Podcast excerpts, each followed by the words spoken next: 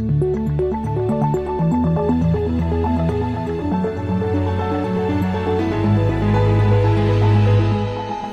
This Morning.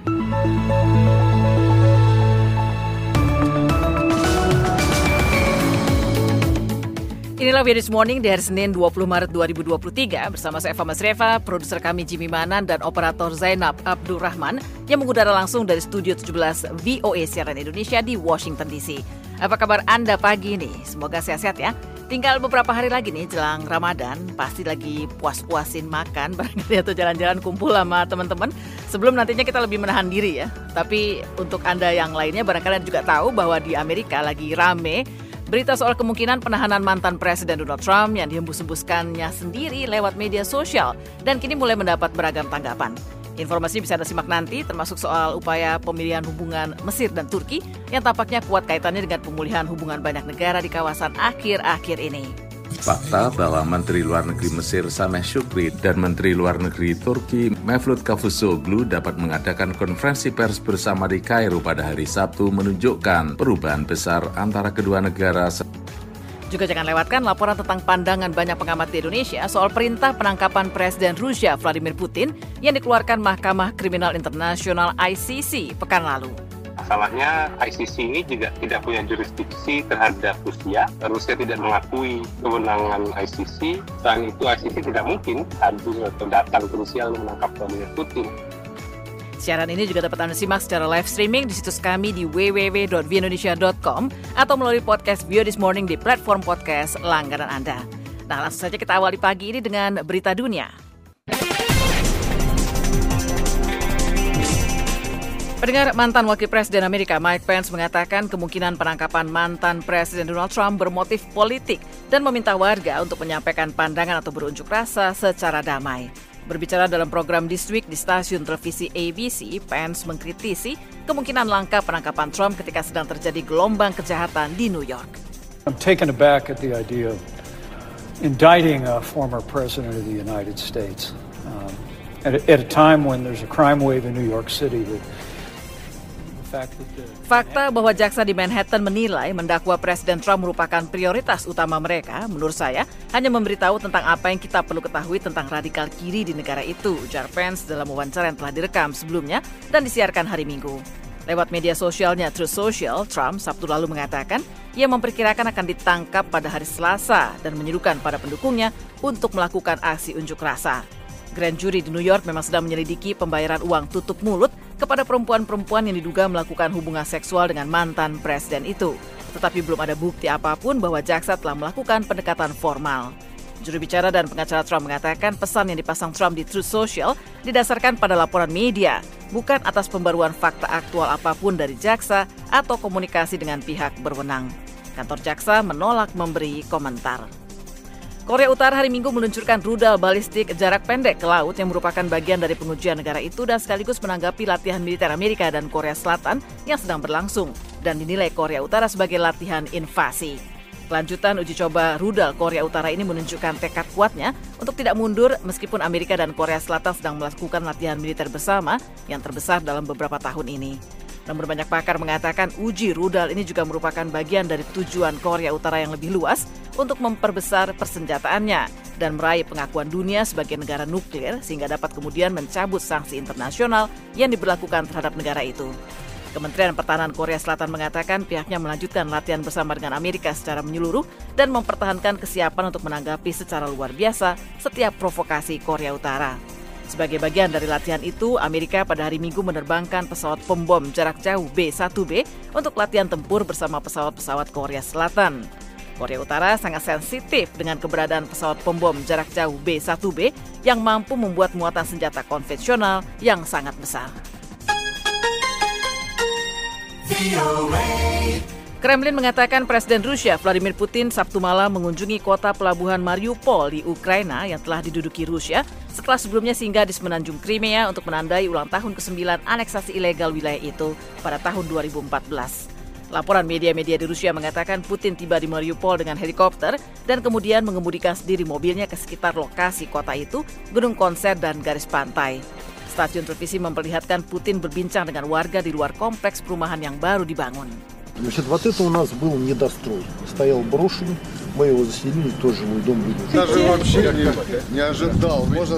Kunjungan itu dilakukan sehari setelah Mahkamah Kriminal Internasional ICC mengeluarkan surat perintah penangkapan terhadap Putin atas tuduhan melakukan kejahatan perang, utamanya tindakan deportasi terhadap anak-anak Ukraina selama invasi 13 bulan terakhir. Putin belum memberi tanggapan atas tuduhan itu, sementara Kremlin menyebut hal itu tidak sah secara hukum. Lawatan Putin ke Mariupol yang masih dilanda perang itu adalah yang pertama sejak invasi 24 Februari 2022. Ribuan demonstran dari dua pihak yang saling bertolak belakang terkait reformasi peradilan di Israel sama-sama turun ke jalan di ibu kota Tel Aviv Sabtu malam. Sementara polisi berjaga-jaga mencegah terjadinya konfrontasi dan aksi kekerasan apa pun. Pendukung pemerintah yang sebagian mengenakan topeng agar tidak teridentifikasi menyampaikan pernyataan menghina terhadap demonstran anti pemerintah. Demonstrasi telah memasuki minggu ke-11 sejak pemerintahan Perdana Menteri Benjamin Netanyahu mendorong perombakan hukum. אני מצפה מהרמטכ"ל ומראשי זרועות הביטחון להיאבק בתקיפות בסרבנות. Netanyahu dan sekutu-sekutu koalisi ultranasionalisnya mengatakan bahwa sistem peradilan saat ini telah memberi kekuasaan lebih besar pada hakim dan penasihat hukum pemerintah terkait pembuatan undang-undang dan pemerintahan. Ia menolak proposal kompromi yang disampaikan Presiden Isaac Herzog Rabu lalu untuk menyelesaikan kebuntuan yang membuat negara itu kacau balau dan menuai kritik internasional. Mereka yang meng mengkritisinya menilai langkah Netanyahu itu akan melemahkan Mahkamah Agung dan membahayakan kebebasan dasar negara. Mereka juga menilai Netanyahu yang telah diadili karena korupsi memiliki konflik kepentingan. Parlemen Israel 13 Maret lalu menyetujui rancangan undang-undang yang mempersulit upaya penggulingan Netanyahu.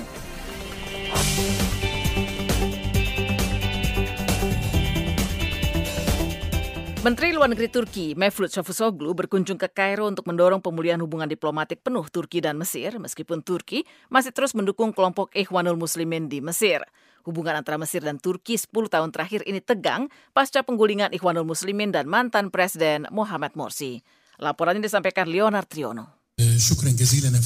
Fakta bahwa Menteri Luar Negeri Mesir Sameh Shukri dan Menteri Luar Negeri Turki Mevlut Cavusoglu dapat mengadakan konferensi pers bersama di Kairo pada hari Sabtu menunjukkan perubahan besar antara kedua negara setelah hampir 10 tahun saling tuduh dan hubungan yang rusak setelah penggulingan mantan Presiden Ikhwanul Muslimin Muhammad Morsi pada tahun 2013. Kedua diplomat itu mengisyaratkan untuk melanjutkan hubungan diplomatik yang terputus pada tahun 2016. Salah satu poin penting yang ditekankan oleh Cavusoglu kepada wartawan di Kairo adalah konsekuensi berbahaya dari konflik Rusia-Ukraina dan perlunya untuk menghindari konflik yang lebih luas yang berpotensi mencetuskan perang nuklir. Dia mengatakan bahwa Ankara telah berusaha mendapatkan persetujuan Rusia untuk memperbarui kesepakatan biji-bijian Laut Hitam yang memungkinkan Ukraina mengekspor biji-bijian ke beberapa negara Timur Tengah dan dunia ketiga,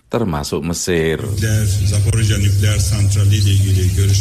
Mevlut Cavusoglu mengatakan bahwa sementara Turki menjadi tuan rumah pembicaraan mengenai situasi di pembangkit listrik tenaga nuklir Zaporizhia, Ukraina, negara itu juga melakukan upaya intensif dengan Rusia untuk mengizinkan perpanjangan perjanjian penjualan biji-bijian lewat Laut Hitam. Sosiolog politik Mesir Said Sadek mengatakan kepada VOA bahwa ada langkah yang sedang dilakukan di Timur Tengah untuk meredakan ketegangan yang telah terjadi antara negara-negara di kawasan itu seperti Mesir dan Turki dan bahwa Presiden Turki Recep Tayyip Erdogan sangat ingin menunjukkan kemampuannya untuk menjebatani kesenjangan tersebut antara berbagai negara yang bermusuhan baik secara regional maupun internasional. Turkey wants to say that I am an important cause in regional and international Turki ingin mengatakan kami adalah kartu penting dalam urusan politik regional dan internasional dan kami memainkan peran strategis sangat penting sebagai penengah antara timur dan barat. Terlepas dari kenyataan kami anggota NATO, kami juga bisa berbicara dengan Presiden Rusia Vladimir Putin ketika banyak pemimpin barat sekarang tidak dapat berbicara langsung dengan Putin. Ketegangan terpendam antara Kairo dan Ankara tentang siapa yang menguasai sebagian Libya dan sumber daya gas alam bawah laut di Mediterania Timur juga telah membuat hubungan antara kedua negara menjadi sengit. Hubungan yang lebih baik antara kedua negara juga dapat menghindarkan potensi konflik di kawasan tersebut. Dari VOA Washington DC, saya Leonard Triono.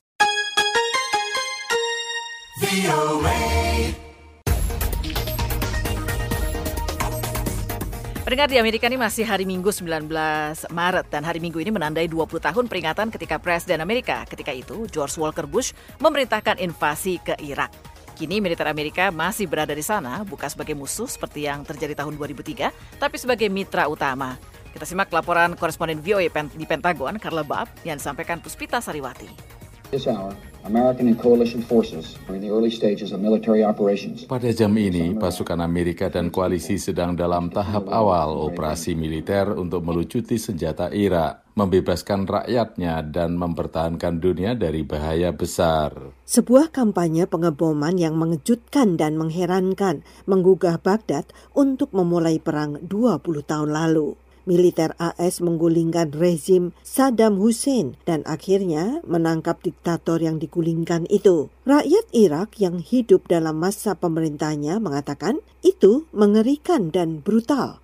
Presiden George W. Bush mengatakan misi selesai pada 1 Mei 2003, tetapi perang terus berlanjut karena sisa-sisa partai Ba'ath Saddam dan pemberontak lainnya terus berlanjut melawan AS dan pasukan sekutu. Menteri Luar Negeri Amerika pada waktu itu, Colin Powell, mengatakan Ambition and hatred are enough to bring Iraq and Al-Qaeda together. Ambisi dan kebencian cukup untuk menyatukan Irak dan Al-Qaeda. Maka Al-Qaeda belajar bagaimana membuat bom yang lebih canggih dan belajar memalsukan dokumen. Sehingga Al-Qaeda dapat meminta bantuan Irak untuk memperoleh keahlian tentang senjata pemusnah massal. Irak tidak pernah terbukti memiliki senjata pemusnah massal. Sementara korban jiwa bagi warga Irak dan tentara Amerika terus meningkat. Para pengecam termasuk mantan Menteri Luar Negeri pemerintahan Obama, Jim Steinberg, menyebut campur tangan AS di Irak tidak bijaksana. Ada dua jenis kritik. Pertama, tidak ada pembenaran untuk melakukan semuanya sejak awal. Dan yang kedua, ada beberapa pembenaran tetapi hanya jika kita mampu memastikan bahwa apa yang terjadi setelah itu tidak lebih buruk daripada yang terjadi sebelumnya. Presiden Barack Obama Obama menarik pasukan AS dari Irak pada akhir 2011 lalu masuk kembali ke negara itu tiga tahun kemudian untuk melawan pemberontak ISIS yang meningkat di tengah kerusuhan politik. ISIS menguasai Mosul dan beberapa wilayah besar Irak sebelum kekalahan terakhirnya di sana pada tahun 2017. Sekitar 2.500 tentara AS masih berada di Irak sebagai penasihat tentang cara terbaik melawan kubu ISIS. Lebih dari 4.000 tentara AS tewas di Irak bersama puluhan ribu warga sipil Irak. Puspita Sariwati, VOA, Washington.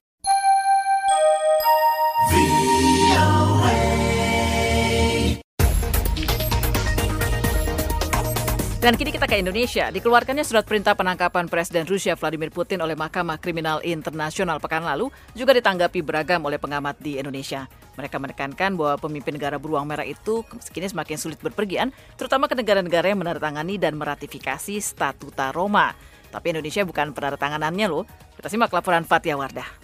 International Criminal Court ICC atau Mahkamah Pidana Internasional Jumat mengeluarkan surat perintah penangkapan terhadap Presiden Rusia Vladimir Putin dan Maria Alexeyevna Lvova-Belova, Presiden Komisioner Hak Anak Rusia atas dugaan kejahatan perang yang dilakukan di Ukraina. Atas keputusan tersebut, juru bicara Kementerian Luar Negeri Teguh Faizasah menolak berkomentar terkait hal tersebut. Pengamat Rusia dari Universitas Airlangga Radityo Dharma Putra kepada VOA Sabtu menjelaskan keputusan ICC menerbitkan surat perintah penangkapan atas Putin dan Maria tersebut sudah tepat. Perintah penangkapan itu sesuai kejahatan perang yang dituduhkan kepada keduanya, yakni deportasi anak-anak Ukraina dan pemindahan paksa mereka ke wilayah Rusia. Bukti-bukti dari kejahatan ini bahkan ada di pernyataan resmi dan situs resmi pemerintah Rusia. Radityo menambahkan keputusan ICC tersebut semakin menegaskan ada kesepakatan umum di dunia internasional mengenai pelanggaran yang dilakukan Putin dan rezimnya dalam invasi ke Ukraina sejak 24 Februari tahun lalu.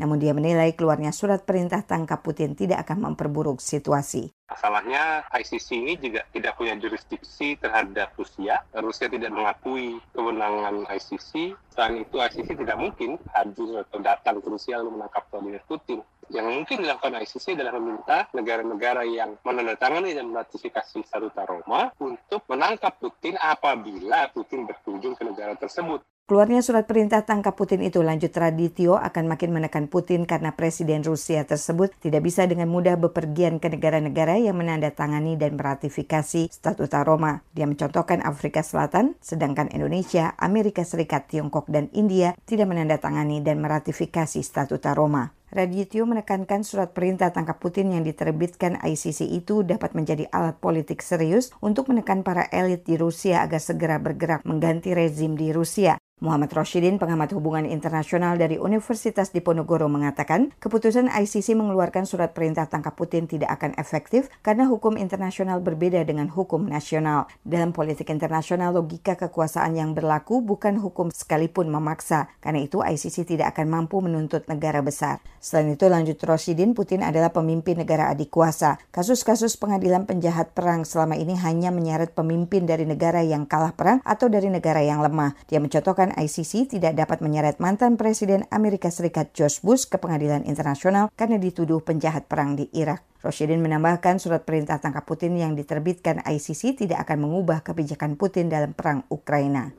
Saya kira tak ada satu negara pun di dunia ini yang bisa menghentikan agresi Rusia di Ukraina. Tidak pula Amerika. Kalaupun negara-negara barat mencoba untuk bermain api, saya kira Rusia akan justru lebih keras. Sudah berapa kali Rusia mengancam menggunakan senjata nuklir. Dari Jakarta, Fatia Wardah melaporkan untuk VOA Washington.